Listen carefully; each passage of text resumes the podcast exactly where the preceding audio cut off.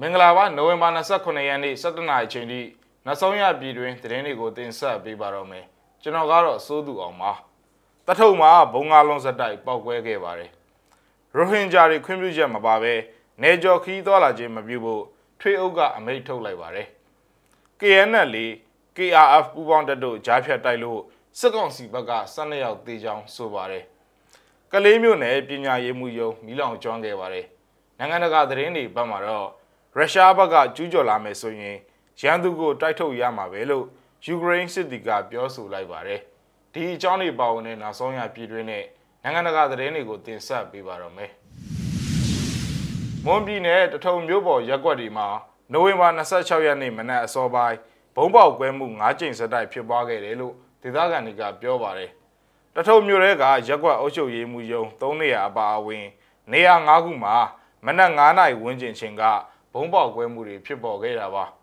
တထုံမြို့နယ်ပေါ်တော်မူကြီးရွာအုပ်ချုပ်ရေးမှူးယုံနာကဒေသခံတယောက်ကလည်းအဲ့ဒီပောက်ကွဲမှုကြောင့်ထင်တဲ့အခုတစ်မျိုးလုံးမှာစစ်ဆေးမှုတွေတင်းကျပ်နေတယ်နေရာတိုင်းမှာပဲလို့ပြောပါတယ်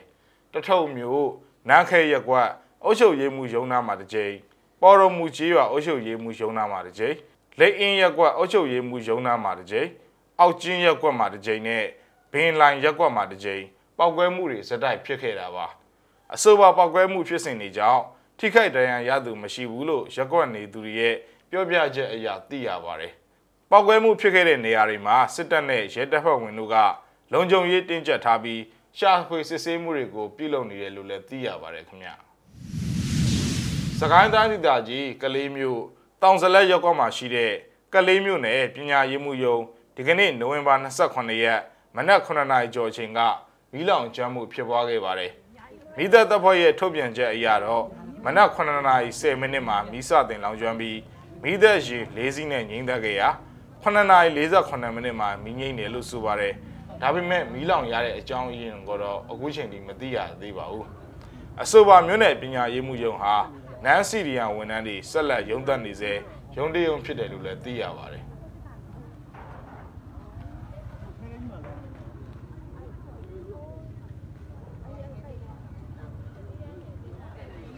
ထဲ လည်းမရဲဘူးတော်တယ်ဘုံတွေကတော့ထောင်ခိုင်းတော့ဟုတ်တယ်ထောင်ထောင်ပြောလို့မရဘူးထောင်လို့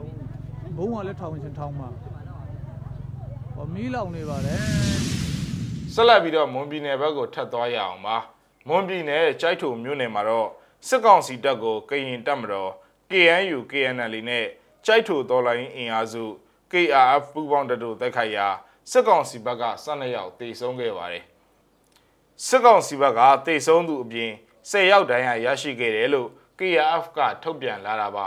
အလားတူပဲလွန်ခဲ့တဲ့ရက်ကလည်းမိုင်းတဲကီဘယ်ဂျိုကိုဖောက်ခွဲဖျက်ဆီးပြီးနောက်စစ်ဆေးဖို့ရောက်ရှိလာတဲ့စစ်ကောင်စီတပ်ကိုမိုင်းခွဲတက်ခိုက်ရာ2ယောက်သေဆုံးပြီး4ယောက်ဒဏ်ရာရရှိခဲ့ကြောင်းလည်းဖော်ပြထားပါသေးတယ်။ရခိုင်ပြည်နယ်မြောက်ပိုင်းမောင်တော်ဘူးတိတောင်တဝိုက်ကရိုဟင်ဂျာတွေကိုခွင့်ပြုချက်မပါဘဲနေကြော်ခီးသွားတာမျိုးမလုပ်ဖို့မြို့နယ်ထွေဦးက နိုဝင်ဘာ25ရက်နေ့မှာအမိန့်ထုတ်လိုက်ပါတယ်။ခရီးသွားလာခွင့်ထောက်ခံချက်ပါရင်မြို့နယ်ခရိုင်တိုင်းကျော်လွန်ပြီးခရီးသွားလာခွင့်ပေးထားတာလို့ဆိုပါတယ်။အခုထုတ်ပြန်ချက်ထဲမှာတရားဝင်ခွင့်ပြုချက်ပုံစံလေးရယူပြီးမှခရီးသွားဖို့နဲ့ခွင့်ပြုချက်မရှိဘဲနေကျော်မသွားဖို့တားမြစ်ထားတာဖြစ်ပါတယ်။ခွင့်ပြုချက်ရယူဖို့လိုအပ်တဲ့ဘယ်သူမဆိုတားမြစ်ချက်ကိုမလိုက်နာဘူးဆိုရင်တည်ဆဲဥပဒေတွေအပြင်ပြစ်မှုဆိုင်ရာဥပဒေပုံမှန်118အရာအရေးယူခံရမယ်လို့ အမိန့်ထုတ်ပြန်ခဲ့တာပါ။အခုအမိတ်ဟာနိုဝင်ဘာ25ရက်ကစလို့နှစ်လပြည့်မြောက်တဲ့အထိဖြစ်ကြောင်းကိုလည်းစစ်ကောင်စီလက်အောက်ခံထွေအုပ်ကထုတ်ပြန်တဲ့အမိန့်စာထဲမှာဖော်ပြထားပါတယ်။ဆက်လက်ပြီးတော့နိုင်ငံတကာသတင်းတွေဘက်ကိုသွားရအောင်ပါ။ရုရှားဘက်ကကျူးကျော်လာမယ်ဆိုရင်ရန်သူကိုတိုက်ထုတ်ရမှာပဲလို့ယူကရိန်းစစ်တီကပြောဆိုလိုက်ပါတယ်။အပြည့်အစုံကိုလည်းကြည့်ရအောင်ပါ။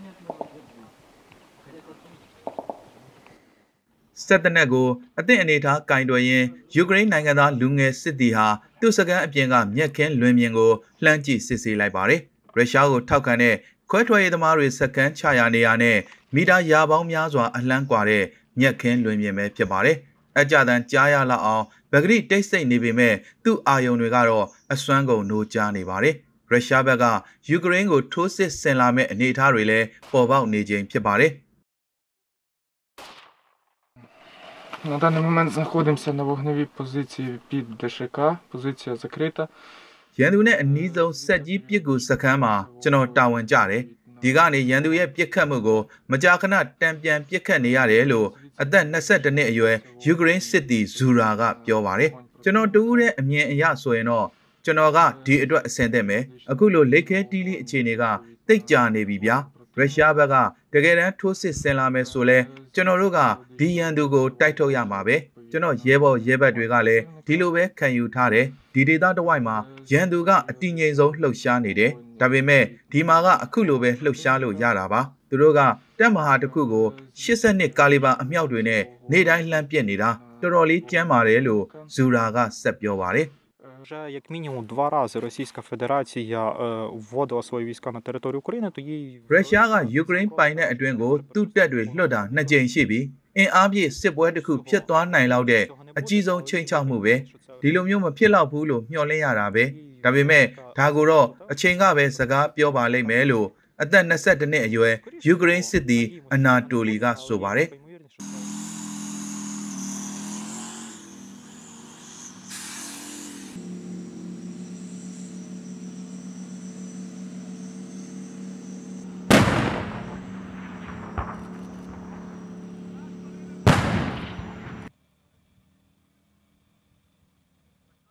ဒီလအတွင်းယူကရိန်းအနီးကရုရှားရဲ့စစ်ရေးလှုပ်ရှားမှုအပေါ်အနောက်နိုင်ငံတွေစီကအတန်ခက်ကြဲကြဲထုတ်ပြောလာခဲ့ပါတယ်။အခုလိုယူကရိန်းနယ်စပ်မှာရုရှားရဲ့တပ်အင်အားတိုးချဲ့လာတဲ့အပေါ်အမှန်တကယ်စိုးရိမ်မိကြောင်းအမေရိကန်နိုင်ငံကထုတ်ဖော်ပြောကြားလိုက်ပါတယ်။ရုရှားသမ္မတပူတင်ရဲ့စိတ်ထဲမှာဘာတွေရှိနေမလဲခံမှန်းဖို့ခက်ပေမဲ့ယူကရိန်းအစိုးရအနေနဲ့နီလန်မျိုးစုံသုံးပြီးဒါကိုဟန်တားသွားမှာဖြစ်တယ်လို့ယူကရိန်းနိုင်ငံသားရေးဝန်ကြီးဒီမီထရိုကူလေဘာက နိုဝင်ဘာလ25ရက်ကြာသပတေးနေ့ကသတင်းတောက်တွေနဲ့တွေ့ဆုံစဉ်မှာပြောကြားလိုက်ပါတယ်။ရုရှားကယူကရိန်းနိုင်ငံကိုကျူးကျော်စစ်ဆင်နွှဲဖို့ပြင်ဆင်နေတာဖြစ်နိုင်တယ်ဆိုတော့အနောက်နိုင်ငံတွေရဲ့ဆွဆွဲမှုအပေါ်မော်စကိုအစိုးရကတုံ့ပြန်ပြောဆိုခြင်းမရှိခဲ့ပါဘူး။ယူကရိန်းကီယက်အစိုးရဟာယူကရိန်းနိုင်ငံအရှေ့ပိုင်းမှာဖြစ်ပေါ်နေတဲ့တင်းမာမှုအပေါ်မီးလောင်ရာလေပင့်လောက်ရက်တွေလုပ်နေတဲ့အပေါ်သူ့အနေနဲ့စိုးရိမ်မိကြောင်း EU ကောင်စီဥက္ကဋ္ဌကိုပူတင်ကပြောဆိုခဲ့တယ်လို့ကရမ်လင်ကဆိုပါတယ်။ အခုလိုရုရှားနဲ့စစ်ရေးတင်းမာနေတဲ့ကြားမှာပဲ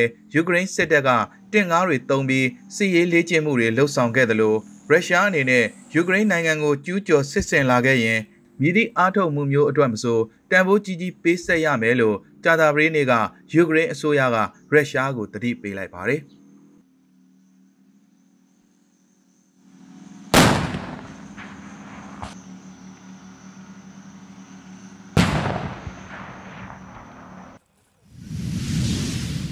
မြစီမရဲ့သတင်းစီစဉ်ကိုဒီမှာခဏရင်နာကြပါတယ်ကြည့်ရှုခဲ့တဲ့မိဘပြည်သူသူချင်းစီကိုကျေးဇူးအထူးပဲတင်ရှိပါတယ်ကျွန်တော်တို့သတင်းနဲ့အတူတူပြန်ဆောင်ကြပါဦးမယ်